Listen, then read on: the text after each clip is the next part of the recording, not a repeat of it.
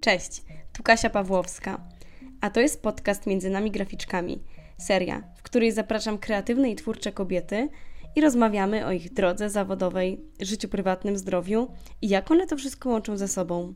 A dziś moją gościnią jest Kasia, która jest mamą, prowadzi firmę Media in Motion oraz przez długi czas pracowała z domu. Jak ona to wszystko ogarnęła, czego możemy się od niej nauczyć, tego dowiecie się z dzisiejszego odcinka. Zapraszam serdecznie.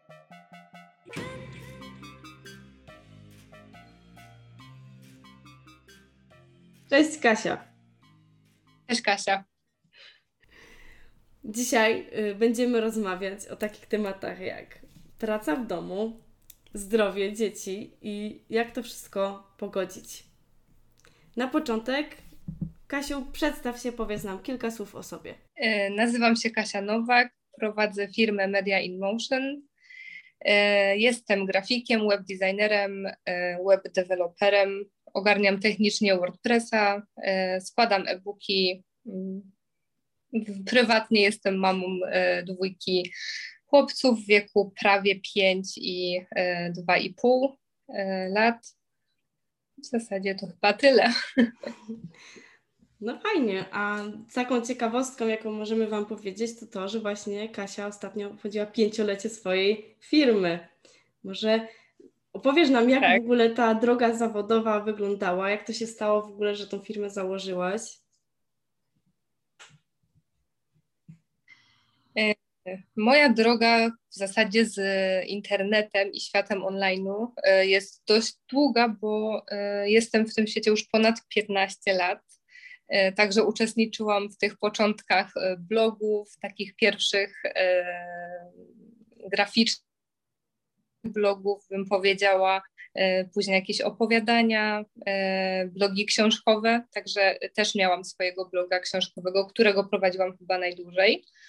Mm, później tak w liceum bardziej się zainteresowałam fotografią, E, a jak poszłam na studia, to właśnie zaczęłam prowadzić tego bloga e, recenzenckiego. E, I gdzieś tam mój ówczesny chłopak, teraz teraźniejszy mąż, zapoznał mnie z WordPressem. Razem go w sumie poznawaliśmy. Mm, ja się tak zajawiłam nim bardzo, więc przyniosłam sobie bloga z Blogspota na WordPressa, no i tak zaczęłam poznawać ten system. E, gdzieś tam w międzyczasie miałam e, swoje, nazwijmy to, pierwsze klientki, e, czyli moje czytelniczki bloga, które widziały, że działam graficznie, no i zaczęły mnie pytać, czy bym nie zrobiła jakieś grafiki, nie pomogła ze stroną. No i ja wiadomo, że wtedy to nie były, chyba nawet nie brałam za to pieniędzy, bo to tak po znajomości, wiadomo, że nie miałam wtedy firmy jeszcze, więc tak sobie zaczynałam działać. Później mm, gdzieś temat jakoś troszeczkę ucichł e, wraz z nadmiarem obowiązków, e, bo na studiach na trzecim roku poszłam e, do pracy takiej zawodowej. Niestety była to praca na umowę zlecenie, a nie na etat. Tam zajmowałam się, troszeczkę liznęłam SEO, obsługiwałam sklepy technicznie, takie dość popularne w Polsce wtedy. Mm, ogólnie wiele rzeczy się nauczyłam, e, bardziej sama niż ktoś mnie nauczył, bo e, tam dużo skomplikowana historia, więc nie będę wchodzić w szczegóły. E, no i na trzecim roku też zajmowałam się organizacją ślubu i przeprowadzki z Krakowa, ze studiów na moją wioskę rodzinną. Także miałam sporo rzeczy na głowie i też w momencie, jak już zdałam wszystkie egzaminy i obroniłam pracę, to pojawiło się pytanie, czy ja chcę dalej pracować na umowę zlecenie. Wiadomo, że chciałam e, zajść w ciąży, mieć dziecko, także taka umowa wiadomo, że e, nic mi wtedy nie dawała. Plus zawsze powtarzałam, że będę pracować u siebie, a nie na etat, bo się nie nadaje do takiej pracy e, i że zawsze będę mieć firmę, tylko ona miała być fotograficzna, a nie ze stronami, ale to wyszło tak naturalnie. No i właśnie jak tutaj wróciliśmy, to chwilkę pracowałam jeszcze zdalnie, bo wtedy szef mi pozwolił na coś takiego. E, no i później pojawiła się taka opcja jak dotacja e, z Urzędu Pracy. mm, więc ja się zapisałam na to bezrobocie, zrezygnowałam z mojej pracy, przeszłam tam przez te wszystkie procesy i kroki. Dotacje w końcu mi się udało otrzymać, także bardzo się cieszyłam. Mogłam sobie kupić sprzęt właśnie do fotografii, bo to miała być firma fotograficzna. No i w sumie trochę pracowałam jako fotograf, bo już na studiach robiłam jakieś tam sesje. E, później jak miałam firmę, to mm, jeździłam bardziej na reportaże ślubne, też sesje jakieś takie w plenerze. Mm, no, ale w międzyczasie mm, stwierdziłam, że nie do końca podoba mi się bycie fotografem i nie uczestniczenie w życiu rodzinnym w weekendy głównie, bo jak jechałam na ślub, to wyjeżdżałam w sobotę rano, a wracałam w sobotę wieczorem, a potem przez cały tydzień trzeba było jeszcze te zdjęcia obrabiać, jechać na sesję ślubną i tak dalej. Także to było, była bardzo fajna, ale męcząca praca jednak. No i w głowie miałam cały czas to, że robię te strony, że coś tam dłubię, że działam z grafiką, i stwierdziłam, że zacznę zbierać zlecenia pod tym kątem i powoli się wycofywałam z, z fotografii. Pamiętam, że jeszcze miałam taki epizod y, robienia zdjęć produktowych y, znanej marce y, kosmetycznej. Y, także też fajne doświadczenie. Y, no i tak to się kręci tu teraz. Kurczę, to bardzo fajnie, zwłaszcza z tą fotografią produktową, bo sama mnie gdzieś tam ciągnie do tego tematu, żeby sobie poeksperymentować, y, ale gdzieś tam, no jest, wiadomo, to nie jest taki duży priorytet teraz. Y, a jak, jak to się stało właśnie, że miałaś pierwszych klientów na strony internetowe? Jak, jak to komunikowałaś? Pierwsza strona, jaką zrobiłam, to była dla, y, dla mnie i mojego taty, a kolejne pozyskałam poszukiwałam e, przez grupy na Facebooku. Mm, tam kiedyś była bardzo popularna grupa e, Uli Felep, nie wiem czy kojarzysz e, Ule i tą grupę. Jej, tej grupy już nie ma, ale tam były takie posty poszukiwane, poszukiwana. No i stwierdziłam, że zacznę tam patrzeć, czy ktoś nie szuka osoby do wykonania strony. Zaczęłam po prostu nienachalnie, bo to też jest ważne, żeby w nienachalny sposób coś takiego robić, e, tylko faktycznie jak ktoś potrzebował, to wtedy pytałam.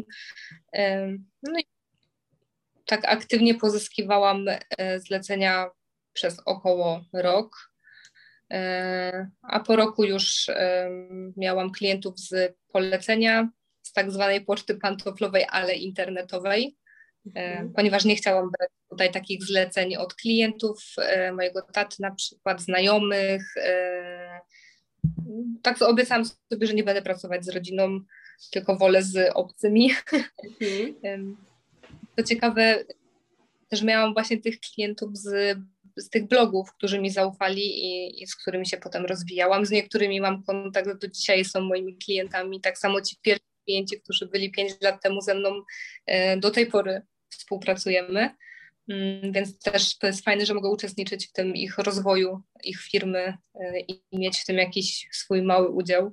Wiadomo, że oni odwalają kawał roboty z tworzeniem materiałów, e, wiadomo, rozwojem strony o bloga, później o sklep, jakąś platformę z kursami itd., tak itd. Tak no właśnie, w propos tych klientów, to widziałam, że na Facebooku już jakiś czas temu robiłaś stronę dla Balance Dog, a y, ja kojarzę z Instagrama, że cały czas coś się dzieje tutaj jakby u, u tej dziewczyny. Tak, tak. Z Magdą jesteśmy w bardzo dobrych stosunkach też prywatnie. E, w zasadzie z większością klientów prywatnie sobie często gdzieś tam piszemy, rozmawiamy, żalimy się, e, takie rozterki biznesowo-życiowe i to jest e, fajne. Myślę, że taką relację mieć z klientami jednak przyjacielską, a nie pan i pani to też jest ważne, że ja na przykład nie lubię z klientami być na pan i pani od razu proponuję przejście na ty, bo tak jest naturalniej, e, bez takiej sztywności i e, zupełnie inaczej wygląda wtedy kontakt. No, to jest bardzo ciekawe, bo z jednej strony mówiłaś, że nie chcesz jakby od rodziny, nie? A, a, a z drugiej strony ci klienci są trochę taką już rodzinką w tak. kontekście relacji, nie? A zdarzało ci się. Tak, mieć... dokładnie. Mhm. A zdarzało Ci się mieć y, właśnie mimo wszystko takie pytania ze strony rodziny, znajomych taty y, o, o te zlecenia i jak wtedy była Twoja reakcja, jeśli były? E, w zasadzie współpracowałam z jedną osobą, a tak to y, po prostu mnie nie pytają. Myślę, że nie wiedzą do końca, czym ja się zajmuję, y, bo się nie afiszuję z tym, czy afiszuję to złe słowo, nie y, pokazuję tego na Facebooku swoim prywatnym y, i też z Facebooka firmowego w zasadzie zrezygnowałam również, bo nie starczyło mi czasu na y, ogarnianie tam jeszcze skrzynki mailowej na Facebooku. Mm, także po prostu ludzie chyba nie wiedzą, może to i lepiej. To jest bardzo ciekawe ogólnie, ale no tak, no. No ale w sumie mniej kłopotu, tak jak mówisz, było to związane z Twoim celem, prawda? Tak. Mhm. Masz jakieś e, takie przemyślenia właśnie po tych pięciu latach e, pracy na swoim? E, swoje przemyślenia. Przemyśleń mam dużo.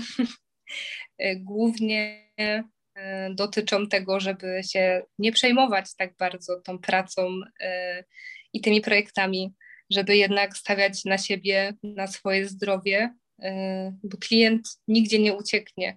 Jeżeli mu powiemy, że nie damy rady się wyrobić w terminie, w tym deadline, bo musimy odpuścić, bo coś nam wypadło, to wbrew pozorom ten klient to zrozumie, jeżeli nie będziemy ściemniać, że nie wiem, prześlemy coś jutro, a tego nie zrobimy, e, tylko napiszemy, źle się czułam, nie mogłam tego zrobić, e, to klient powie, ok, e, ja też tak mam, rozumiem Twoją sytuację, więc myślę, że trzeba być szczerym z klientami przede wszystkim.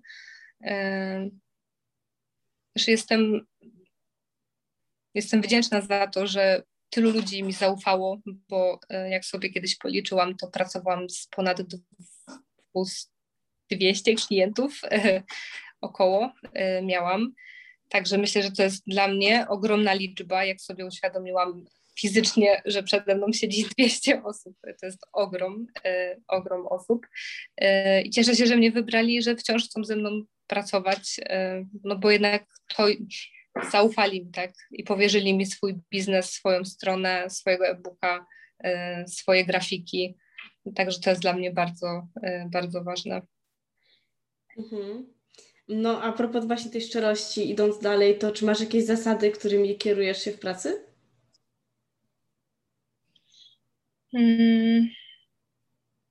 Hmm. Jak tak sobie pomyślę, to nie wiem. Po prostu staram się być e, dobrym człowiekiem e, i zrozumieć e, klienta. To jest ważne, żeby się wczuć w jego skórę i jak na przykład czegoś nie rozumie, to nieraz tłumaczę pięć razy. Jeżeli potrzeba wytłumaczyć to szósty raz, to robię to szósty raz. Teraz jak jeszcze sobie myślę, to kolejną zasadą jest to, że zawsze proponuję kilka rozwiązań. E, raczej staram się nie mówić, że nie da się czegoś zrobić, tylko proponuję e, na przykład dopasowane do budżetu albo do danej sytuacji e, rozwiązania.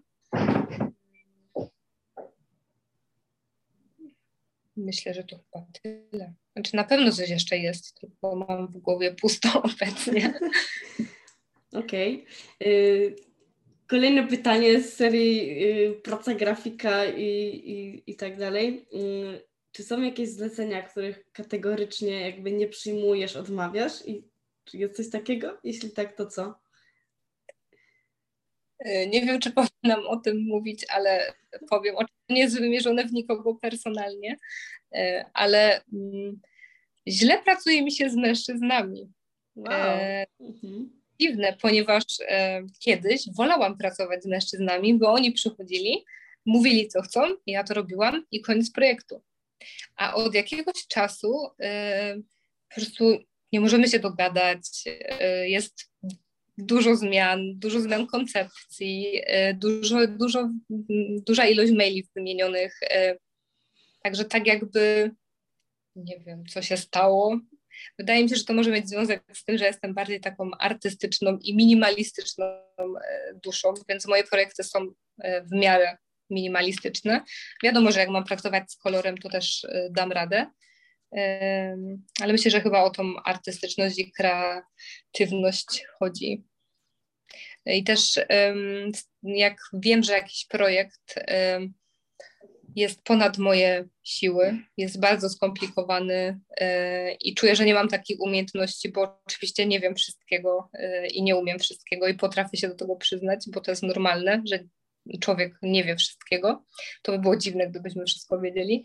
Yy, także jak wiem, że jest taka sytuacja, to po prostu piszę otwarcie, że odesłałabym chętnie do kogoś innego albo zaproponuję tutaj właśnie inne rozwiązania i też e, z początku brałam e, w zasadzie każdy projekt. I to był mój e, taki błąd, bo brałam projekty, których nie wiedziałam, jak na ten czas, tamten czas ogarnąć i jak je zrobić dobrze. I musiałam więcej czasu spędzić na tym, żeby się dowiedzieć, bo przecież nie mogłam czegoś wziąć, powiedzieć, że zrobię, a nie robię, prawda? Więc to ma też plus, bo się wiele rzeczy nauczyłam zobaczyłam, jak można się uczyć tych rzeczy, bo wszystkiego się uczyłam praktycznie sama. Część rzeczy y, pomógł mi y, w firmie mój y, mąż, który bardziej jest techniczny. Teraz już jesteśmy prawie na równi, więc on mi pokazał ten świat. Mm, także mm, jak jest duży projekt, który nie zna moje możliwości, to po prostu teraz umiem powiedzieć, że nie, nie robię tego. Zapraszam w innej sprawie. Mhm. To jest tak. godne podziwu. W tych pięciu latach mam też taki wniosek e, w zasadzie przez ostatnie pół roku, że nie robię projektów na już. Jak ktoś potrzebuje teraz mieć za tydzień coś gotowe, albo za parę dni, albo za dwa tygodnie, to ja mówię, jak będę mieć czas, to tak, ale niczego nie obiecuję.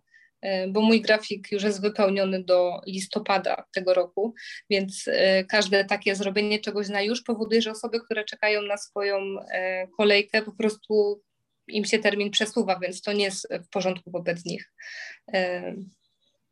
No tak, tak. Też to zauważyłam właśnie ostatnio i też sobie napisałam, że i komunikuję to klientom, że jak chcesz mieć dobrze zrobioną stronę i projekt cały, to nie może być tak, że na szybko, że się popędzamy, tylko dokładnie wszystko musimy umówić, ustalić. Każdy etap sobie zatwierdzimy, dzielę to na kawałeczki, żeby właśnie klient mógł czuć, że my w ogóle idziemy do przodu z tym projektem, ale jakby nie, w tym momencie ja jakby nie wyznaczam takiego deadline'u, że ma być tak, bo wiem, że to się może wszystko przesunąć. Już doświadczenie pokazało, że nawet no nie wiem, miesiąc temu ktoś coś zamówił i wszystko było klepnięte, ale na przykład jeszcze czekam na materiały, prawda? Więc to wychodzi różnie i też już właśnie dostrzegłam to, że jak wrzucam na luz i też komunikuję, że spokojnie jakby zrobimy, żeby było dobrze, to właśnie, że to działa, nie? Że takie na już to dużo stresu niepotrzebnego się generuje. Y, co jest ciekawe, co powiedziałaś o, o, o tych facetach, o o tych zleceniach, y, bo ja właśnie widziałam, że kurczę, ty bardzo dużo współpracujesz z kobietami i dużo jest też takich dziewczyn na Instagramie, które wręcz komunikują, że pomagam kobietom w rozwoju biznesach i jakby ja na to patrzę i myślę sobie, wow, to jest fajne, ale ja tak nie umiem. Znaczy ja w tym momencie mam wrażenie, że yy, może to też właśnie wynika z doświadczenia, że właśnie teraz jestem w fazie, gdzie praktycznie wszystkie współprace mam y, z płcią męską i też jakby mam wrażenie, że moje myślenie w ogóle jest takie powiedzmy analityczne i męskie, gdzie nie czuję się jeszcze swobodnie, powiem to na głos, ale w takich, wiesz, takich właśnie damskich sprawach, w sensie, nie wiem, dla mnie byłoby to duże wyzwanie dzisiaj, może się to zmieni za jakiś czas, właśnie zrobić, nie wiem, dla kobiety jakąś różową stronę, coś tam myślę, że bym dała radę, ale jak o tym myślę, to jest dla mnie takie, jeszcze nigdy nie miałam, jakby, jak sobie patrzę, no nie robiłam takiej strony, nie? Wiem, że byłabym w stanie to zrobić, ale czuję się właśnie bardzo swobodnie w takich technicznych rzeczach i no nie wiem, jak teraz sobie myślę, że robiłam takie typu strony, że ludzie, nie wiem, bramy sprzedają, okna, jakieś takie, naprawdę nie wiedziałam, ile w ogóle jest y, zachodu z, z branżami tego typu, w sensie to kocham w ogóle w e, stronach internetowych i grafice, że możemy poznawać te branże. No ale właśnie jak sobie zrobiłam takie podsumowanie, to właśnie się chyba nie zrobiłam ani jednej takiej strony dla kobiety, bo jakieś tam ulotki czy coś to było faktycznie, ale żeby całą stronę to nie i myślę, że wow, szacun, nie? że masz takie doświadczenie, to wychodzi na to, że też jakby zastanawiałam się po prostu, czy to była jakaś taka świadoma decyzja, że ja tylko dla kobiet robię, nie? Nie, nie była świadoma, ale to te, też nie jest tak, że nie pracuję z mężczyznami, bo pracuję. Tych zapytań jest faktycznie mniej, e, no ale ta współpraca jest trochę trudniejsza i się bardziej przeciąga. Mm, natomiast y, odnośnie tych, y, tej różowej strony, y, to pamiętaj, że zawsze można wyperswadować komuś jakiś kolor, odcień i wybrać na przykład łagodniejszy, mniej różowy, co ja też często robię, no bo musimy ważni jako twórcy i e, wychodzić do klienta z naszymi propozycjami i naszą wizją strony, bo ja jestem fanką robienia stron wspólnie z klientem, że nie tylko ja siadam, ja robię, ja się znam i koniec, i klient nie ma nic do gadania. Takich, e, takich osób, które w ten sposób współpracują, nie do końca rozumiem, bo ja bym tak nie umiała. Zdanie klienta jest dla mnie bardzo ważne i e, uczestniczymy razem w tym projekcie i to tym się kieruję też od, od samego początku. E, I pamiętam, że miałam taką współpracę, która przez coś takiego się właśnie rozpadła. To była jedna, jedyna współpraca, której nie dokończyłam, e, przez to, że klient myślał, że ja wszystko zrobię sama, że ja nie będę potrzebowała od nich informacji, czy im się podoba to, czy to e, nie uznawali wstępnych projektów, e, jakieś tam, że materiały ja powinnam sobie dobrać, ja wiedzieć, jak zrobić e, strukturę ich strony, która dotyczyła bardzo zaawansowanych takich budowlanych, bym powiedziała, e, rzeczy, bo też nie chcę tutaj wchodzić w szczegóły i ujawnić szczegółów współpracy, więc ja nie miałam wiedzy w zakresie ich firmy, tylko oni ją mieli, e, więc powinni współpracować ze mną i oni zrobić e, tam, wypisać sobie, które rzeczy chcą w menu, jakie zdjęcia i tak dalej. Ja to oczywiście mogę dopasować, tylko wtedy wychodzi e, nam dłuż, dłuższa współpraca przez to, że ja muszę myśleć, czy to na pewno jest zdjęcie odnoszące się do tej kategorii, czy raczej nie woleli, woleliby, żeby było w innej. Także przy takich projektach to jest ważne, żeby mieć porozumienie z klientem, a nie żeby klient wszystko zrzucał na nasze barki, albo żebyśmy my świadomie wszystko robili sami, bo to też nie na tym polega. Współ, strona jest wspólna i ma odzwierciedlać klienta, a nie nasze widzimisię. Mhm. No tak, dokładnie. Też właśnie y, od jakiegoś czasu praktykuję ja i w tej firmie, co też współpracuję z nią, że przedstawiamy na samym początku proces projektowy, czyli właśnie jak to się odbywa też jakby fajne są wywiady z klientami na początku, żeby ich tak przepytać, czym się zajmują, jak oni realizują te swoje usługi i tak dalej. Mm, mówiłaś tutaj właśnie o tym zakolejkowaniu do listopada. Ja to już zadawałam też to pytanie Sylwii, tobie też zadam, jak ty to robisz i w ogóle jak to jest, że klient wie, że on tam w listopadzie coś będzie miał dopiero zrobione. Powiedz nam więcej na ten temat.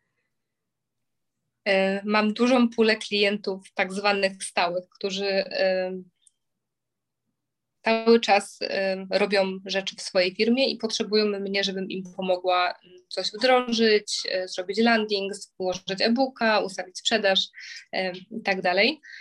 I takie osoby, które wiedzą, że ich biznes się będzie rozrastał albo one mają Mm, mają pomysł na to, jak, jakie działania będą podejmować w danym półroczu lub całym roku, y, to wysyłają mi y, początkiem roku mm, rozpiskę działań, które chcą zrobić i mniej więcej kiedy to się będzie działo.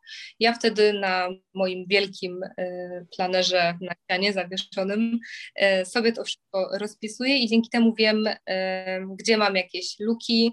Oczywiście wiadomo, że mm, to nie jest stałe i terminy są ruchome, i może się to zmienić, coś może wypaść z tego grafiku, e, więc ze stałymi klientami mm, przynajmniej wiem, na czym stoję. E, jeżeli chodzi o nowych klientów, e, to już po takim czasie pracy wiem, ile zajmie mi robienie danej strony. Wiem, że na platformę kursową potrzebuję tego czasu mieć więcej, więcej będzie poprawek zapewne, bo dochodzą różne konfiguracje płatności, systemów i tak dalej. Także na to sobie wyliczam mniej więcej, ile potrzebuję czasu i wszystko rozpisuję w grafiku. Wiem, ile osób i ile danych e, projektów, na przykład graficznych, e, składu e-booka i stron mogę zrobić w danym miesiącu. I tak jakoś naturalnie mi to przychodzi, że sobie mm, te osoby wpisuję. Oczywiście to nie jest tak, że ja jestem idealnie w terminach, bo tak nie jest.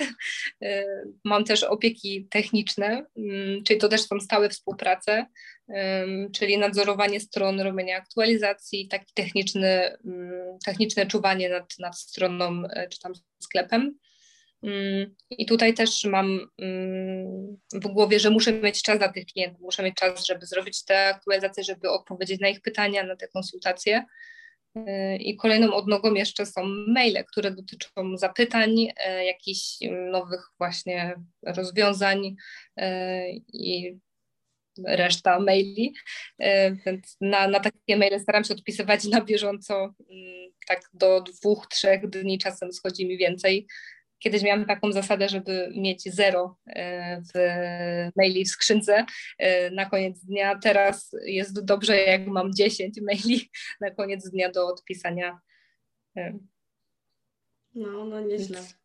To, to też chyba y, są takie rozproszenia. Nie? Ja, ja zazwyczaj mam tak, że jak jest ten mail, znaczy do tej pory było tak, że już myślałam, kurczę, odpisać trzeba od razu, ale uczę się tego, że właśnie nie trzeba od razu odpisywać że może ta osoba poczekać, że lepiej jest właśnie sobie na spokojnie to przemyśleć całą tą sprawę i skonstruować tego maila yy, no lepiej. I, I, nawet czasami robiłam tak, że dobrze, dziękuję, że jutro na przykład tam, czy za dwa dni dostanie Pan odpowiedź, nie? No i to, to, to mhm. jest takie fajne, żeby się tak odblokować w głowie, że to, że ktoś coś chce, to nie ja nie muszę teraz od razu do niego biec i być już rzucam wszystko i lecę, nie? Tak, to jest, to jest ważne, żeby tak nie robić, bo um, jak się na przykład przyzwyczai klientów do odpisywania w weekendy, a później nie odpisujemy w weekendy, to klient e, sobie pomyśli, że albo nam się coś stało, albo ten mail nie dotarł, e, czy jak odpisujemy właśnie od razu, to po, później są takie oczekiwania, że zawsze będziemy odpisywać od razu. E, no, a z, wraz z rozwojem firmy ten czas oczekiwania niestety jest dłuższy, jeżeli wszystko ogarniamy same, no to nie da się naraz zrobić strony, zrobić logo i jeszcze odpisać na te wszystkie maile. To jest, y, doba jest za krótka. Jeszcze jest życie prywatne, no także trzeba sobie y, tak w miarę logicznie rozplanować i mieć w głowie, że nic się nie stanie, jeżeli na tego maila odpiszemy y, po prostu jutro albo za dwa dni właśnie to pisanie, że dziękuję, mail dotarł jest fajne, bo klient wie, że ten mail faktycznie dotarł i że mamy, że o nim myślimy. E, Fajnie. Masz jakieś właśnie ulubione narzędzia do organizacji pracy? E, Gmail i Planner. E, tak, niestety próbowałam się zaprzyjaźnić z Asaną, ale coś nam nie gra, czasem wracam, y, ale żeby przenieść te wszystkie rzeczy z maila i z projektu do Asany, to jest praca w zasadzie dla drugiej osoby, dla asystentki, która będzie to robić. Y, chociaż ja robię to samo, tylko przenoszę te rzeczy do fizycznego planera, bo tam sobie rozpisuję projekty i zadania na dany dzień. Y, jestem po prostu fanką e, wszelkich pisadeł i, i planerów. E, także dla mnie to jest przyjemność, że mogę sobie popisać. Mhm. że mi pomaga Gmail właśnie. E, tutaj jest ten kalendarz i notatki, mm, więc tam też sobie czasem jakieś rzeczy dodaję. No i tak to wygląda. Spoko. Mam jeszcze jedno pytanie takie dotyczące stricte pracy. Co najbardziej lubisz w swojej pracy? E, najbardziej lubię kontakt z tym klientem i patrzenie na to, jak razem działamy nad, e, nad projektem i jak ten projekt jest w powijakach, a na końcu okazuje się, że już jest wypuszczony do sprzedaży albo że strona już powstała. To jest takie przyjemne patrzeć, że zrobiliśmy coś razem i że to nam wyszło tak fajnie i że ten na przykład skład e-booka jest taki ładny i że klientowi się podoba i wiemy, że się będzie podobał też e, odbiorcom też tworzenie nowych miejsc w sieci, jak ktoś przychodzi z, z, super pomysłem na, na biznes, na stronę, to ja od razu jestem taka naładowana tą energią i optymizmem e, i od razu mam lepszy humor, jak widzę, że się otwierają fajne miejsca w sieci. No, akurat mam szczęście do takich projektów, które są inspirujące e, i dość ciekawe, e, wydaje mi się. Lubię też ulepszać projekty, czyli jak dostaję jakąś stronę, która widzę, że jest na przykład zaniedbana od zaplecza, e, ma zaktualizowane wtyczki, że wizualny wygląd tej strony można poprawić, żeby ona lepiej konwertowała, sprzedawała, żeby się bardziej podobała. E, to też mnie bardzo cieszy, że mogę coś takiego e, robić, bo fajnie widzieć przed i po tą stronę. Też reakcje klientów, że im się podobają te projekty, też, też jest fajne. Mam dużą satysfakcję z każdego skończonego projektu i wisienką na torcie na przykład w stronach u mnie jest to, jak kończę robić e, obsługę, e, obsługę strony dla klienta. Zawsze wysyłam taki PDF, e, jak może klient sobie coś tam zedytować, dodać wpis, jak pierwszy raz na przykład ma do czynienia z, z WordPressem. Wtedy jak wysyłam takiego ostatniego maila, to jest taka satysfakcja, że kolejny projekt skończony, kolejny klient zadowolony. Też to, co powiedziałam wcześniej, że patrzenie na to, jak klient się rozwija, jak e, zaczynaliśmy od prostej strony, a teraz już jest to sklep na przykład, albo e, platforma z kursami, albo jeszcze coś innego. Także to jest takie motywujące do, do, do działania po prostu. Aż się miło słucha. No, a to jest power, to jest power. Ja zawsze jak ktoś przyjdzie z nowym zleceniem, to też się jaram tak tym, że już wszystkich tym zarażam, a jeszcze potem trzeba zrobić. I, i, I, czasami na efekty się czeka długo, ale właśnie faktycznie to zakończenie projektu jest satysfakcjonujące. No dobrze, to przejdziemy sobie teraz do jakby takiej kolejnej dziedziny, kolejnego tematu dużego, który miałyśmy na dzisiaj zaplanowane, to jest praca i, i dzieci. Bo Kasia jest tak. mamą, tak mamą dwójki dzieci, też jestem mamą, więc już wiem, z czym to się je. No i jak to ogarniałaś na początku, jakie, jakie były początki w ogóle, bo z tego, co tutaj mogę sobie policzyć już, to 5 lat firmy, dziecko prawie 5 lat, czyli tak prawie, że równolegle się to wszystko odbywało. E, tak, jak złożyłam ten, ten, wniosek e, o dotację, to jeszcze nie wiedziałam, e, że jestem w ciąży. W ogóle dowiedziałam się bardzo późno, bo miałam różne problemy zdrowotne w tym czasie. Także w momencie, jak dostałam dotację, to sobie parę dni później dowiedziałam się, że jestem w ciąży. I dla mnie to było takie, o matko, złożyłam, dostałam dotację, będę zakładać firmę, jestem w ciąży. Po tej dotacji, którą dostałam przez rok, musiałam utrzymać firmę, bo inaczej musiałabym zwracać e, te pieniądze otrzymane. E, więc dla mnie to było mm, stresujące, mimo tego, że o to dziecko się w zasadzie wtedy staraliśmy i chcieliśmy je mieć, tak? Tylko mm, takie to było zaskoczenie dla mnie. E, no i tak sobie pomyślałam, że albo usiądę i będę płakać, że muszę tyle rzeczy ogarnąć, e, albo po prostu się wezmę w garść i to zrobię. No i oczywiście wybrałam drugą opcję. Moja pierwsza ciąża była mm, trudna, ale generalnie ja się czułam bardzo dobrze w niej, więc pracowałam y, w zasadzie do ostatniego dnia. Urlop macierzyński mój trwał y, trzy dni może, które spędzałam w szpitalu już po trzech dniach. tak, Kasia podnosi rękę do góry. Y, nawet pamiętam, że jak jechałam na poród, to jeszcze na maila odpisywałam przez telefon. Mm. No i jak Antoś się urodził, y, to firma miała jakieś pół roku około. Y, także z Antkiem sprawa była o tyle prosta, że to jest dziecko mm, bezproblemowe. On dużo spał, on dużo się bawił sam. Ja mogłam obok niego siedzieć, laptopem, pracować, pić kawę, jeść ciasto, a on sobie siedział obok i zajmował się swoimi rzeczami. I tak naprawdę było. E, natomiast przy drugim dziecku, e, przy Julku, już tak nie było, bo problem się zaczął, e, jak Julek zaczął, wiadomo, podnosić się, chodzić, przemieszczać się samodzielnie, to już nic nie, nie byłam w stanie zrobić. Ale też co jest ważne, to to, że mm, jako właściciel firmy mogłam sobie podzielić urlop macierzyński z mężem. E, tam ustawowo jest, że kobieta musi być e, chyba trzy miesiące na tym urlopie, a później może go oddać mężowi. No i e, my tak świadomie zrobiliśmy w obu przypadkach, więc mój mąż był w domu przez pół roku nie pół roku, przez trzy miesiące byłam ja, tak, a resztę do roku czasu, jak dziecko skończyło rok, to, to mąż wracał do pracy wtedy. Więc to było duże ułatwienie dla mnie, bo mimo tego, że on był w domu i ja pracowałam w domu, to wiadomo, dużo pomagał, w zasadzie nie pomagał, tylko uczestniczył i cały czas uczestniczy w wychowaniu dziecka i w dzieci i w pracach domowych, bo my robimy wszystko, wszystko wspólnie. Także on dużo mi, dużo zajmował się Antosiem i, i potem dwójką dzieci.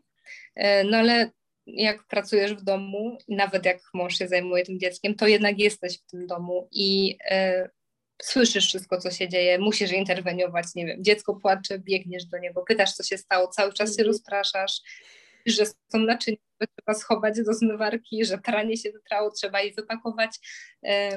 To była taka praca mm, z doskoku, ja to nazywam, czyli e, umiejętność rozkładania zadań, e, które mogłam zrobić odrywając się, czyli na przykład pisanie maili, jakieś drobne poprawki, e, ale duży projekt już nie był wykonalny w takim odrywaniu się co chwilę, bo jak masz do skonfigurowania sklep albo do zrobienia cały design strony i musisz to ułożyć w głowie, potem na papierze, jak ja sobie lubię szkicować, na papierze jak będzie wyglądać strona i potem to przenoszę do sieci, e, no to jest proces, który nie może być e, Także ja sobie piszę, a za chwilę idę do tego dziecka, a potem wracam, a potem idę robić obiad. No, to tak nie działa, bo musisz to zrobić w skupieniu e, i też jesteś efektywniejsza, jak, jak, jak robisz takie rzeczy w skupieniu. Więc takie projekty zostawiałam sobie na przykład e, na drzemki, e, albo na te chwile, jak na przykład mama lub tata mój zabrali dzieciaki, no to wtedy przyznaję, że pracowałam w weekendy, bo to był czas, kiedy dzieci mogły być pod opieką dziadków całe dwa dni praktycznie. E, no i też e, wtedy, jak dzieci spały, czyli w nocy, e, wtedy miałam firmę nocną, odpisywanie na maile było też w nocy, na takie większe. No, projekty wszystkie powstawały właśnie wieczorami, co było złe i przyznaję się do tego i nie powinniście tak robić, nikt tak nie powinien robić, bo sen jest bardzo ważny. E, także ja, taki mój ekstremalny wynik to jest e, pójście spać o 5 rano i wstanie o 8 do dziecka. Także e, nie wiem, teraz jak z perspektywy czasu sobie o tym pomyślę, to nie wiem jak dałam radę, bo teraz ja o 22, 23 już po prostu padam. Mhm. No ale musiałam się dostosować i jakoś to pociągnąć. No nie mog- jestem zbyt ambitna, żeby zostawić firmę i zająć się tylko dziećmi musiałam no. mieć mhm. po prostu e, no, się spełniać, tak, bo jak mama jest zadowolona, to dzieci też są e, Dokładnie. Dokładnie, ja mam mm, podobne odczucia, że y, czasami rozważałam właśnie, że tylko z dzieckiem albo tylko praca i zawsze czegoś brakowało, nie? I jakby czuję, że teraz jest jakby wszystko jest idealnie. Jest i praca, gdzie ja jakby całą swoją kreatywność wylewam. E, jest jakby ten czas z dzieckiem, które jest też fajne i bardzo takie kontaktowe i lubię ten czas z nim. Chociaż jak właśnie jestem cały dzień z e, Wojtusiem, to jestem ultra wymęczona i ja sobie się było, ja bym tak codziennie nie mogła. E, a propos tych nocek, to mm, ja pamiętam właśnie na początku, też jeszcze jak Wojtuś nie, nie miał tej diety tej normalnej, czyli jeszcze był na piersi, to też sobie wieczorami lubiłam pracować i nawet to było całkiem spoko dla mnie. Pracowałam sobie wieczorem, w skupieniu już była cisza, właśnie to cudowna była cisza i oczywiście zdarzało mi się też, miałam czasem takie takie noce, że y, jakiś taki flow był, że a, to sobie jeszcze posiedzę i rzeczywiście był maraton taki do czwartej czy piątej, gdzie już ptaki zaczynały śpiewać.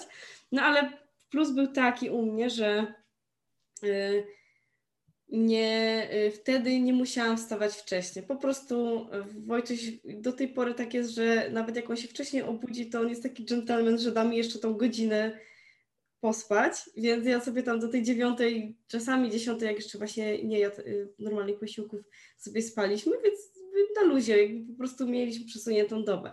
No ale właśnie potem sobie zaczęły posiłki, potem ja jeszcze miałam więcej, większe zlecenia i, i było coraz trudniej. E, I pamiętam rok temu, e, chyba rok temu, tak właśnie w marcu, miałam taki okres, kiedy ja go usypiałam wieczorem i się kładłam koło niego i mój kręgosłup mnie strasznie bolał. Ja wtedy zazwyczaj powiedziałam, nie, ja po prostu już nie mogę, ja idę spać. I wtedy zaczęłam właśnie dopiero y, regularnie sypiać y, i zaczęłam właśnie myśleć o tym, że no jednak trochę chyba przesadziłam i że to siedzenie mi bardzo, bardzo dało. I teraz też tak mam, że jak Wojtuś chodzi do żłobka, no to niestety jakby to jest jedyny moment, kiedy no powiedzmy ja mogę mieć ten czas na pracę, no bo potem wiadomo, chcę być jednak z rodziną, e, no i e, wieczorami też jestem zmęczona i nie, nie ma w ogóle, to jest powiedzmy taki, ja to nazywam taką, e, poczekaj, szukam słowa, raz na jakiś czas po prostu zrobię sobie tą przyjemność, że sobie w nocy posiedzę, nie? I po prostu, nie? Ale potem jest właśnie taki dzień zombie, więc y, no nie jest to codziennie i, i to jest raczej taki wyjątek, że faktycznie y, jak już mam regularny czas pracy, no to faktycznie to, to da się odczuć, nie? Że regularnie śpisz i tak dalej, nie? A jak tylko to jest zaburzone, no to oczywiście od, od, przekłada się to na pracę i na zdrowie. Także też jak dzisiaj sobie wspomnę, jejku, ja pracowałam nocami, wieczorami, jak to jest w ogóle możliwe? Dzisiaj nie jestem w stanie tak pracować, nie? Amazing. U mnie takie y, otrzeźwienie przyszło dopiero jak miałam problemy zdrowotne, bo sama z siebie y, nigdy bym nie potrafiła y, iść spać wcześniej, odpuścić, odpocząć. Dla mnie to były pojęcia abstrakcyjne i uważam, że byłam skrajnym pracocholikiem E, co nie jest dobre dla, dla nikogo, niestety. Mhm. No ale ten temat zdrowia właśnie jeszcze będziemy poruszać. Jeszcze, żeby zostać chwilę przy dzieciach właśnie, mm, myślę, że to wszystkie matki pracujące będzie interesować. Jak to z mężem ogarnialiście? Byłaś w domu e, i żeby jednak, wiadomo, dzieci od pewnego momentu są kumate, nie? I nie da się tak, że przejdziesz obok i wrócisz potem do pracy. Ono wie po prostu, że jest mama w domu. E, jak to ogarnialiście? E, no, było to trudne. Znaczy, jak pracowałam z domu, to przyznaję, że byłam częściej sfrustrowana niż jestem teraz, bo teraz pracuję e, z biura, ale do tego pewnie jeszcze dojdziemy. Więc byłam sfrustrowana, że coś robię ważnego, a muszę wstać, muszę iść i muszę się pobawić. E, a powinnam chcieć wstać i chcieć się iść pobawić, a nie musieć. Więc miałam takie momenty, że po prostu stwierdziłam, dobra, zostawiam tą pracę, zrobię to później, jak e, po prostu on pójdzie spać, czy tam Antek, czy Julek. E, no i szłam i się po prostu bawiłam i, i, i, zajmowałam dziećmi. W ekstremalnych przypadkach, jak potrzebowałam coś pilnie zrobić, a na przykład byłam sama, E, no to wtedy niestety szła w ruch bajka, e, no bo jakoś sobie trzeba było radzić. Mm, natomiast e, my mieliśmy też taki problem, że mój mąż, jak już pracował, jak już pokończył te, te, urlopy, to mm, on pracował na nocki. Czyli jego na przykład y, jak jeździł do pracy fizycznie, y, do Krakowa dojeżdżał, y, no to musiał wyjechać godzinę wcześniej, no bo korki, czy nawet tam ponad godzinę. Na przykład nie było go od 19, tam 18.30 do 7-8 rano. I on potem musiał spać więc ja miałam też wyzwanie, żeby dzieci utrzymać w miarę w ciszy, żeby nie obudziły Karola, jak, jak będzie odsypiał, tak, no bo też musiał być po nocce wypoczęty, miał problemy z zaśnięciem. Praca na noce jest y, trudna fizycznie dla organizmu. Także wtedy byłam z dziećmi i się nimi zajmowałam, e, a jak on wstawał, no to przez te parę godzin, jak był w domu, e, no to on z nimi siedział i ja mogłam coś podziałać, zamykając na przykład w pokoju albo e, tam w naszym biurze, który jest w open space, w open space coś, coś podziałać. E, Antek jest starszy, więc jemu jest łatwiej i łatwiej mu było wytłumaczyć, e, że mama teraz musi zrobić coś ważnego i możesz na przykład usiąść obok mnie i porysować. I z nim jak był e, mniejszy, to bardzo często tak pracowałam, że ja siedziałam, on siedział obok mnie, coś sobie rysował, układał puzzle, mm, więc ja poniekąd robiłam dwie rzeczy naraz, bo tu pracowałam, a tu robiłam tą rzecz z nim. Teraz staram się tak nie robić i pilnuję się, żeby robić jedną rzecz naraz, czyli jak idę z dziećmi na pole, to biorę ten komputer z przyzwyczajenia, ale w zasadzie nic na nim nie robię, on tylko jest, a ja bardziej z nimi rozmawiam i siedzę, pilnuję, bawię się. Także tak to wyglądało. No, trzeba sobie było jakoś radzić. E, każdy, wiadomo, ma inne warunki. Niektórzy zatrudniają nianie, e, dają dzieci do żłobka. U nas była opcja dopiero na przedszkole, e, od, jak dziecko skończy 2,5 pół roku, bo tak tutaj przyjmują, więc Antoś od zeszłego mm, września chodzi do przedszkola, także to jest super ułatwienie, bo jak on chodził, a Julek jeszcze miał drzemki, E, no to ja byłam z jednym dzieckiem, mm, to jest inna praca z jednym dzieckiem, a z dwójką. E, że tak to wyglądało. A jeszcze jak wybuchła pandemia, e, to akurat mąż wtedy miał wrócić do pracy po, po tym macierzyńskim urlopie po Julku i chyba pracował jeden dzień w biurze, a tak to pracował z domu.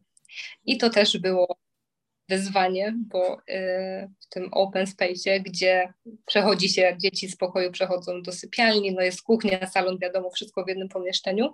Także on y, pracował w momencie, jak dzieci jeszcze nie spały, jak miał taką godzinę. Także tutaj było pilnowanie, żeby oni nie byli głośno, żeby się zajmowali w pokoju, żebyśmy tam na przykład się bawili, a nie w, w salonie jak zwykle.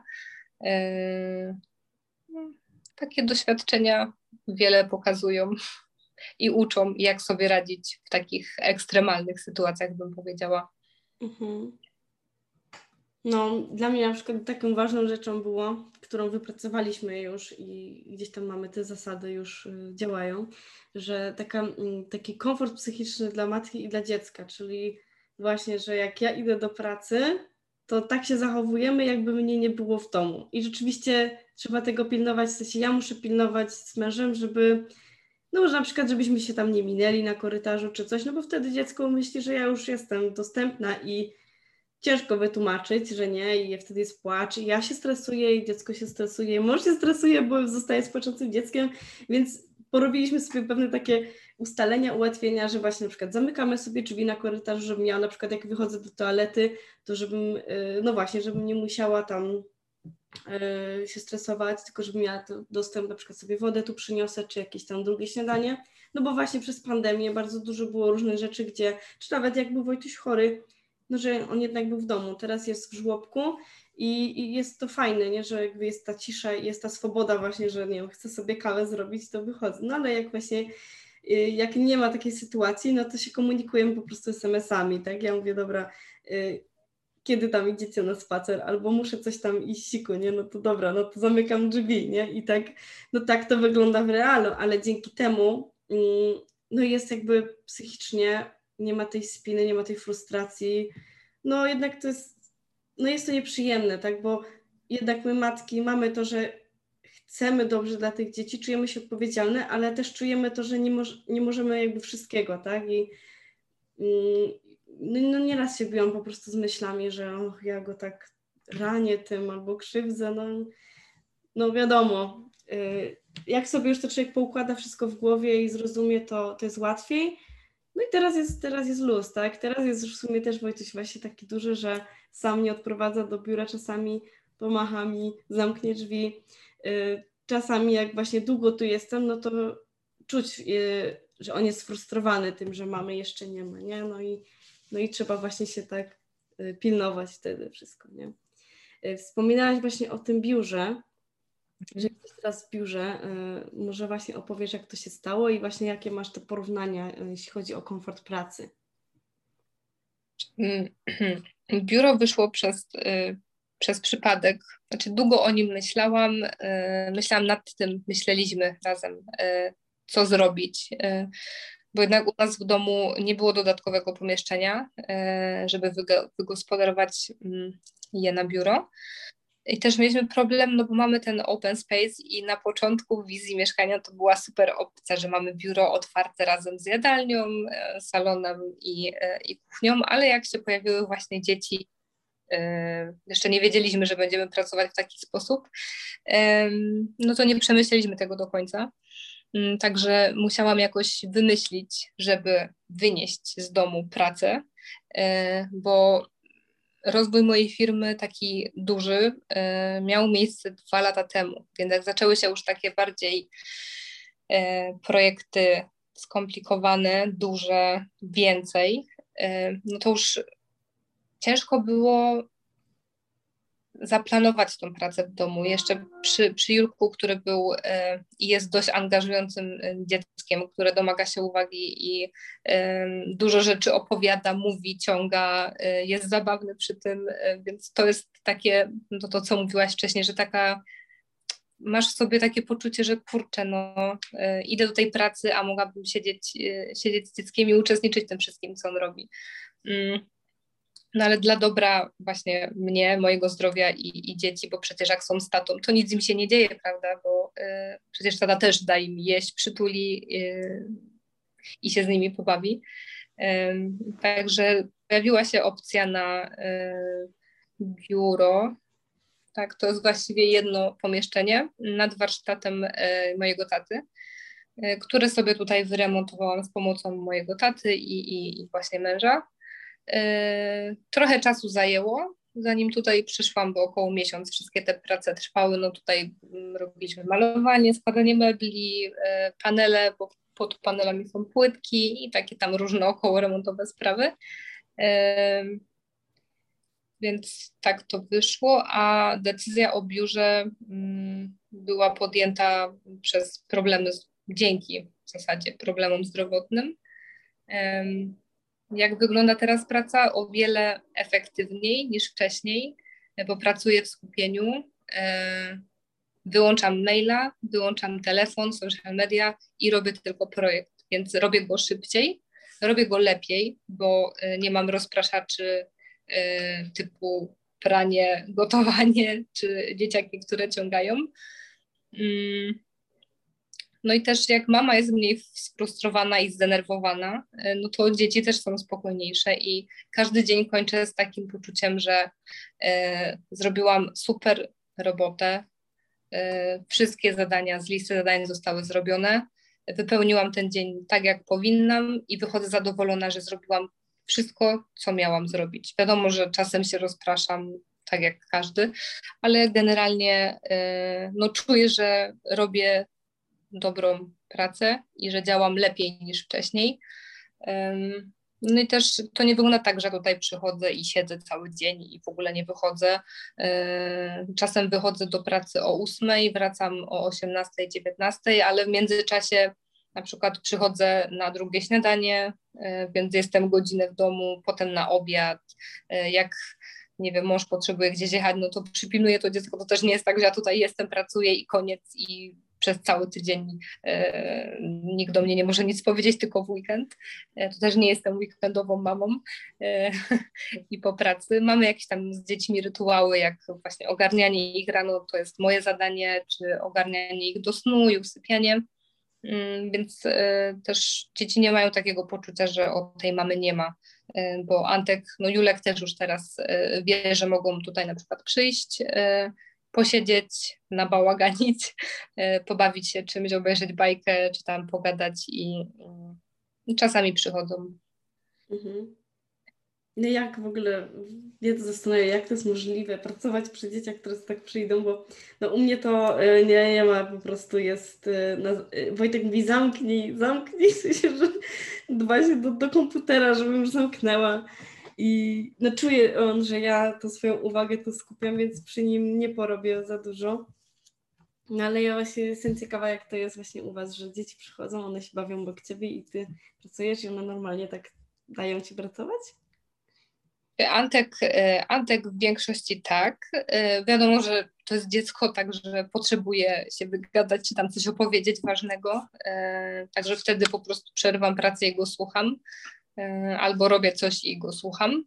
Natomiast jak przychodzi Julek, to taki mały, śmieję się, że taki mały huragan, e, bo rozwala tutaj wszystkie swoje zabawki, trochę się pobawi, a potem mówi iść, mała iść, e, baby, domka, czyli do domku baby, albo na, do naszego domu. Także z Julkiem jeszcze jest ciężko, chociaż w domu, jak coś potrzebuję zrobić na laptopie i akurat jestem w domu, to wtedy jest łatwiej. Myślę, że dlatego, e, że po prostu tam ma więcej tych zabawek niż tutaj e, i potrafi e, coraz fajniej się e, właśnie bawić e, sam. No też wiadomo, że potrzebuje tego, żeby popatrzeć, jak tam zapina dźwiga do samochodu, czy tam holownika. E, także to jak oni przychodzą, to też nie jest tak, że oni się zajmą sami sobą i, i będą siedzieć. Antek prędzej, no bo ma prawie już 5 lat, także to jest zupełnie inny, inny poziom pracy przy takim dziecku niż przy takim dwójpółlatku który jeszcze nie do końca rozumie, czemu ty siedzisz przy tym komputerze i, i czemu musisz akurat teraz coś ważnego zrobić, prawda? Mhm. No. Płynnie przechodzimy na, na temat zdrowia, który no, przewijał się już w tej rozmowie, ale również na Instagramie i to jest bardzo fajne i cenię to sobie właśnie, kiedy ty i inne osoby otwarcie mówią o tym, bo jest to część naszego życia, część tego work-life balance I to też otwiera oczy, nie? że to nie jest tak idealnie, że komputer, kawa i jedziemy i cudowne mam życie i pracuję, tylko jest cena i jest ta cena czasami bardzo wysoka. I to też jakby, no ja tak jak mówię, cenię to, bo to jest też ostrzeżenie dla tych, którzy są gdzieś tam jeszcze przed tobą, nie? Przed nami, gdzie dopiero się rozkręcają, już są napaleni, żeby być teraz super ekstra efektywnie działać, pracować. No i właśnie zderzenie z rzeczywistością, że jednak nasz organizm po prostu z opóźnieniem nam pewne sygnały da. I ja też studiowałam weterynarię, ostatnio pisałam na Instagramie o tym i tak jest z kotami też, że one bardzo długo potrafią w ogóle nie pokazywać, że coś jest nie tak, na, jak jest kot, to zobaczymy dopiero, kiedy jest bardzo, bardzo źle. I jak to było u Ciebie, jak ta podróż, że tak powiem, tej świadomości własnego zdrowia i tego, że coś tu trzeba zmienić, jak to wyglądało? Trochę jak u tego kota. Czy to, co powiedziałam wcześniej, byłam skrajnym pracocholikiem. E, teraz jest mi o tym głupio mówić, bo wiem, że to, co robiłam, było po prostu złe dla mnie i dla wszystkich wokół, nawet dla, dla, dla dzieci. E, e, generalnie mm, w tamtym roku, właśnie jak mąż wrócił do tej pracy podczas pandemii, e, no to mieliśmy mm, takie myśli, że a może jednak zostałby w domu. Mm, tylko pojawił się problem taki, no ale zrezygnujemy ze stałej pensji, którą wiemy, że, że mamy. No wiadomo, jak jest z, z firmą. Dzisiaj mam zlecenie, jestem umówiona, ale klient może przełożyć, yy, więc yy, na przykład nie dostanę płatności w tym miesiącu, tylko za miesiąc, albo to się przeciągnie. No wiesz, jak to jest. Mhm. I każdy, który prowadzi firmę. E, także ten temat porzuciliśmy, e, no bo przyszła pandemia, nie było wiadome, co będzie, jak będzie z pracami, z pracą jego, moją, e, z, ze światem. No i wtedy to był taki mocno intensywny, mm, intensywny czas, bo 8 miesięcy później, w październiku, zaczęły się u mnie dziwne rzeczy dziać. Antek jeszcze poszedł we wrześniu do przedszkola, także troszeczkę sobie tam odżyłam pracując tylko przy Jurku. Mm. No, parę dni e, w październiku miałam bardzo intensywne dwa zlecenia. Jedno, które było na już, więc miałam poczucie, że to musi być zrobione w tym momencie. W zasadzie oba były takie, że na już i wiadomo, chciałam spełnić oczekiwania swojej klienta i że dam radę tak jak zwykle dawałam, więc dla mnie to nie było nic nowego. E, ale to już było przeholowanie, e, bo wtedy mm, pamiętam, spałam bardzo, bardzo mało. E, chodziłam spać o drugiej, trzeciej w nocy. Julek jeszcze wtedy nie do końca w nocy spał tak ładnie jak, jak Antek, więc były, było tam parę pobudek, jak to przy małym dziecku. I mm, dostałam tak zwanego paraliżu nerwu porażenia nerwu twarzowego. E, paraliż Bella to się chyba e, nazywa. E, stało się to tak, że parę dni przed tym zaczęłam mm, mieć dziwne objawy typu drgami powieka, drgami nerw na twarzy, tutaj po lewej stronie e, oko mi łzawi, oko mi puchnie i tak pytałam wszystkich e, w rodzinie mamy, tatę i, siostrę męża, czy, czy coś jest nie tak z moją twarzą, bo coś mi się wydaje, że coś jest nie tak i oni pukali cię po głowie, przecież normalnie wyglądasz. No i to było w niedzielę. Rano zaczęłam właśnie mieć bardzo spuchnięte oko i załzawione. Pojawił się ból połowy głowy, a wieczorem dostałam takiego bólu tutaj za uchem, bo tu jest ten nerw podobno, który mi się przyblokował, że nie byłam w stanie nic zrobić, tylko musiałam się położyć do łóżka i pójść spać, bo nawet żaden, żaden lek mi na to nie pomógł. No jak stałam w poniedziałek e, rano, to już nie mogłam ruszać lewą częścią twarzy. To z perspektywy czasu e, brzmi strasznie. Wtedy nie było straszne, no bo jak, mm, jak to się działo, to musiałam myśleć o co chodzi i, działać, więc nie miałam czasu, żeby się zastanawiać nad tym e, e, i przeżywać tą sytuację. E, więc zaczęłam dzwonić po, po, po lekarzach, chociaż nie, w zasadzie w poniedziałek jeszcze tego nie zrobiłam. Jeszcze się łudziłam, że to przejdzie, że to jest tylko chwilowe. Tak, pukaj się Kasia po głowie, mówię do siebie. No. No i we wtorek rano już jeszcze bardziej tą twarzą nie mogłam ruszać w żadnym, żadnym żadną częścią twarzy, y, oka nie mogłam zamknąć, ono się nie domykało samoczynnie, w ogóle się nie domykało, więc było wysuszone, czerwone, spuchnięte, ta głowa mnie bolała, cała połówka twarzy, mm, no więc sobie powiedziałam, że nie no, już trzeba zadzwonić do tego lekarza, no i pojechałam do pani neurolog wieczorem, no i jak się okazało, to jest właśnie porażenie nerwu twarzowego. Dostałam lekarstwa, skierowanie na rehabilitację, która trwa do dzisiaj. E, od października zeszłego roku i końca nie widać. Mimo tego, że wizualnie poprawiło się po około 4-5 tygodniach, już nie było nic widać, e, to jednak w organizmie mm, wciąż są oznaki e, tego mm, mm, porażenia nerwu. E, przez jakiś czas miałam coś takiego, że jak przeholowałam i na przykład nie spałam wystarczająco ilość czasu albo za bardzo się stresowałam, e, to zaczął, zaczynała mnie boleć głowa po pół głowy i pół twarzy. To jest w sumie śmieszne, ale dziwne i okropne uczucie. Taki ból, na który nie pomagają żadne leki i trzeba tylko iść do łóżka i się położyć i spać i nie jest w stanie człowiek zrobić. Do tego jeszcze dochodzą e, mdłości od, od tego bólu, także e, to nie jest fajne uczucie. E, no i ta rehabilitacja, na którą trzeba co tydzień jednak jeździć, teraz już rzadziej, bo co 3-4 tygodnie, no ale mam w głowie, że muszę tam chodzić i muszę o siebie dbać. No i właśnie to porażenie było takim uderzeniem mnie w głowę przez życie, że to jest czas na zwolnienie, że jak nie umiesz sama tego zrobić, to ja to zrobię za ciebie. Y, I mój y, fizjoterapeuta powiedział, że bardzo długo pracowałam na to, żeby być w takim stanie.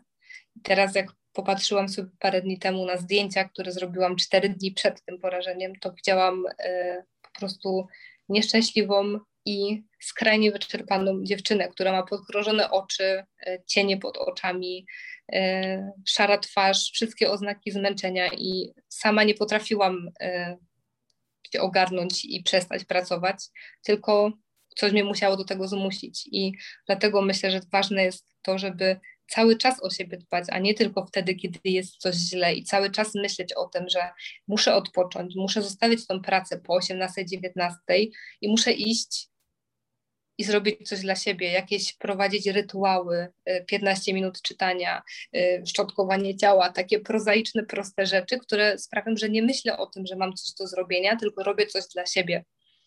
I to jest ciężkie, bo trzeba zmienić wszystkie swoje nawyki. Y, z pracy 12-14 godzin dziennie trzeba przejść na pracę 8 godzin, żeby mieć czas po prostu na ten sen i regenerację. Hmm. No i też e, takie problemy zdrowotne sprawiły, że podjęliśmy z mężem decyzję, której nie mogliśmy podjąć przez ostatni rok, czyli e, przejście jego na urlop wychowawczy bezpłatny. E, trochę przysporzyło nam to stresu, no bo nie wiedzieliśmy, czy to się wszystko uda, tak jak zakładamy e, i tak dalej, ale już pół roku działamy w tym systemie i sprawdza się nam bardzo dobrze. E, zadowoleni jesteśmy wszyscy, i dzieciaki, i my, e, bo też mamy w końcu życie takie rodzinne, że weekendy możemy spędzić razem, a nie ja siedzę w pracy, a on siedzi z dziećmi, e, że możemy coś fajnego zrobić, gdzieś mhm. jechać na jakąś małą a nie cały czas z poczuciem w głowie, że no ale nie skończyłam tego, nie zrobiłam tego. No właśnie, chcę, tak za, mhm. chcę zapytać, jakby, czy już wiesz, z czego to wynikało, że miałaś przekonanie, że musisz coś zrobić, że musisz siedzieć w tej pracy. Ja, ja rozpracowałaś może to sobie? Mm, wydaje mi się, że mm, trochę mam to w genach, bo mój tata y, też y, lubi to, co robi i zawsze chce dawać z siebie 100%. Y, tylko, że u mnie było takie poczucie a co ludzie powiedzą, jak będę odpoczywać, jak pokażę, że czytam książkę, albo jak ktoś mnie zastanie w domu y, czytającą albo śpiącą, mającą drzemkę, cokolwiek. Miałam takie poczucie, że, y, że życie jest krótkie i że muszę zrobić wszystko, co, co mam z tej mojej listy zadań y, w pracy, żeby być spełniona, ale to tak nie działa, bo to ta, ta lista nigdy się nie kończy. Y, żadna lista nigdy się nie kończy, bo zawsze dochodzą nowe rzeczy y, i trzeba sobie to uświadomić i y, zacząć inaczej po prostu działać na co dzień i mieć taki dystans i odpuszczać, bo to, że się z czymś nie wyrobimy, czy nie odpiszemy na tego maila, to nic się nie dzieje. Ale jak spędzimy nad tym kolejną godzinę nie śpiąc, to możemy skończyć tak jak ja, albo gorzej, e, bo to wszystko, co mi się przytrafiło, było przez stres, przez przemęczenie i przez to, jak działałam, jak żyłam. E, I jak się okazuje, to jest nie tylko leczenie mm, tych skutków, e, które leczę u fizjoterapeuty masażami, ale też teraz mam problemy na przykład z zębami, które też są przez ten nerw, mhm. bo te problemy miałam wcześniej, ale one się zaostrzyły e, przez po prostu to porażenie nerwu. No i taką mam nauczkę, żeby siebie teraz stawiać na pierwszym miejscu, a nie pracę i nie te obowiązki, bo one oczywiście, że są ważne i są dużą częścią mojego i e, życia każdej osoby, która po prostu jest ambitna, ma swoją firmę i chce zawsze dawać siebie jak najwięcej. E, no ale trzeba pamiętać o sobie i, i o tym, żeby, żeby odpuszczać. Słucham i czerpię dużo, dużo z tego, co mówisz. To jest tak mega ważne i no, niesamowitą drogę przyszłaś i życzę Ci tego, żeby to jakby wszystkim nam posłużyło, tak? Żebyś Ty wyzdrowiała i żeby, no, żebyś dbała o siebie po prostu, nie?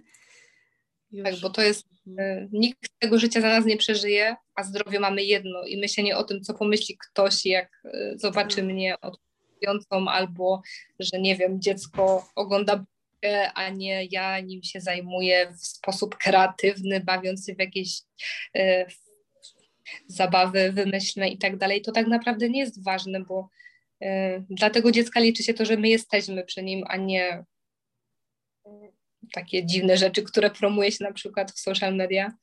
E, ostatnio temat na topie, mm. bo jest takie, jak jest i trzeba brać to, co mamy, więc e, pamiętać cały czas o tym, o tym zdrowiu, bo jak nie będziemy zdrowi, to nie będziemy mogli działać. Co mi z tej pracy, skoro ja nie będę mogła wstać z łóżka, bo tak mnie będzie boleć głowa, prawda? I to się tyczy nie tylko mnie, ale każdej osoby, tak. y, która za dużo robi, bo za dużo na siebie bierzemy. Mamy taką presję, że cały czas trzeba działać, cały czas trzeba iść do przodu, być lepszym, y, a lepiej żyć po prostu po swojemu, spokojnie.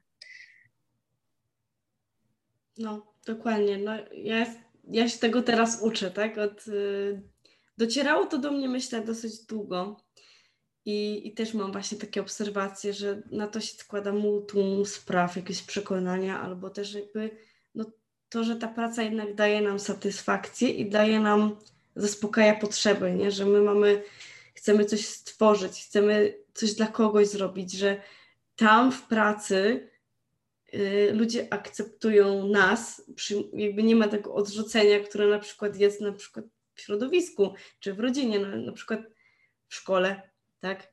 Ja y, spotykałam się przez no, dużą część życia najpierw właśnie z jakimś tam krytyką, odrzuceniem, więc jak przyszła praca, w której ja coś robię i to się komuś podoba, to mnie to tak wciągnęło. Po prostu, że ja się mogę rozwijać, działać, że to jest takie wszystko wow. I to jest fajne. Tylko właśnie też poszłam za daleko. I, i było i pracoholizm, ale i był, i był perfekcjonizm, który jak taka woda z ogniem, które momentami się wykluczały, gdzie ja na przykład bardzo chciałam coś zrobić, ale miałam właśnie to wyobrażenie, że to musi być tak idealne, że no, na przykład się paraliżowałam i nie mogłam tego zrobić, a czas mijał i klient czekał, nie? To było, to było jakiś czas temu, tam kilka lat temu, jak zaczynałam i to też było dla mnie takie, dlaczego, dlaczego i, i ten stres i to wszystko, nie? I dzisiaj dopiero, jak patrzę na to wstecz, to właśnie też potrafię też nazwać, nie? Że te, te, te hasła, pracoholizm, perfekcjonizm, yy, to to sam fakt tego, że ja potrafię to nazwać, albo że coś wynika z moich przekonań, jest uwalniający, bo mogę coś z tym zrobić. A wcześniej człowiek tak był w takim natłoku, robił te wszystkie rzeczy, ale nie wiedział do końca, dlaczego to robię. Tak nie było, trafiłam wyjaśnić, dlaczego ja mam to przekonanie, że muszę siedzieć teraz, coś zrobić, dlaczego, dlaczego w ogóle chcę to robić, dlaczego nie potrafię na przykład odmówić komuś, bo mam już na przykład tutaj tyle do roboty, ale przyjdzie ktoś, powie, że coś chce i ja od razu się godzę, nie? I no, jest to proces. Ja myślę, to jest takie, mm, mm, masz e, to samo syndrom co ja, czyli y, czujesz się, czujesz, że ktoś cię potrzebuje, że chcesz mu pomóc. Y, ja też mam problem z odmawianiem, ciągle się tego uczę i cały ten proces y, uzdrawiania nie trwa, bo to nie jest tak, że się zmieni w ciągu miesiąca, dwóch, tylko to jest praca cały czas nad sobą, e, ale właśnie ta chęć niesienia pomocy klientom i ta poczucia, że, poczucie, że jestem potrzebna i że beze mnie się coś zawali, że jak dzieje się coś na tej stronie, to muszę od razu zareagować. Jak się coś dzieje źle u klienta, to muszę od razu tam być. E, I może faktycznie tak jest, że jesteśmy tak potrzebne, ale e, to nie musi być kosztem zdrowia, bo musi, możemy brać mniej tych zleceń, E, albo dać sobie większy bufor czasowy na jakieś poprawki i wtedy też mózg się oczyszcza, jak mamy więcej przestrzeni na to, żeby trochę odpocząć, też inaczej wtedy działamy, inaczej pracujemy, niż jak cały czas jesteśmy w takim kołowrotku, że muszę, muszę, muszę, muszę, muszę z niewyjaśnionych przyczyn muszę coś zrobić.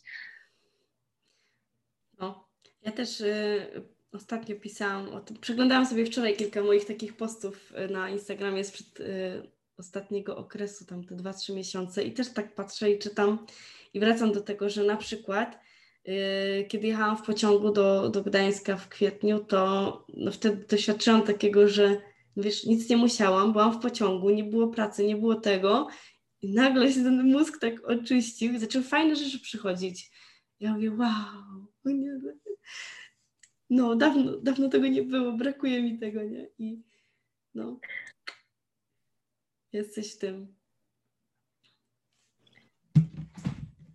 No dobra. Bardzo dziękuję, że y, opowiedziałaś o tym. I czy jest coś, co chciałabyś jeszcze, nie wiem, może na koniec przekazać dodatkowego naszym słuchaczkom, słuchaczom, jeśli tacy są? Y, żeby dbać o siebie i żeby sobie wszystko wypośrodkować i znaleźć taki złoty środek, który e, istnieje wbrew pozorom, że da się robić wszystko, tylko trzeba po prostu sobie to dobrze rozplanować i przemyśleć i pamiętać o tym, że e, wszystko jest ważne, ale my też jesteśmy ważni. I jak bardzo kocham swoją pracę, tak staram się już nie odpisywać i nie patrzeć w ogóle na, na maile po godzinie 19, 18 yy, i mieć czas dla siebie na to, żeby się zregenerować i wrócić do tej pracy yy, z innym nastawieniem, z tą oczyszczoną głową. Yy. Też myślę, że nie musimy aż tyle na siebie yy, brać rzeczy i żebyśmy po prostu byli dobrzy nie tylko dla klientów, ale też dla samych siebie. Super. Bardzo Ci dziękuję. Dziękuję Ci za uczestnictwo w odcinku tego podcastu. Dziękuję. No i kończymy na dzisiaj. Cześć. Pa. Jeśli spodobał Ci się ten odcinek, to będę wdzięczna, jeśli prześlesz go dalej. Zapraszam Cię do obserwowania mnie oraz Kasi na Instagramie. Kasia ostatnio wystartowała z nowym kontentem i myślę, że znajdziesz tam sporo inspiracji, nie tylko jeśli jesteś aspirującą graficzką lub webdesignerką. Dzięki za uwagę i do usłyszenia w następnym odcinku. Cześć!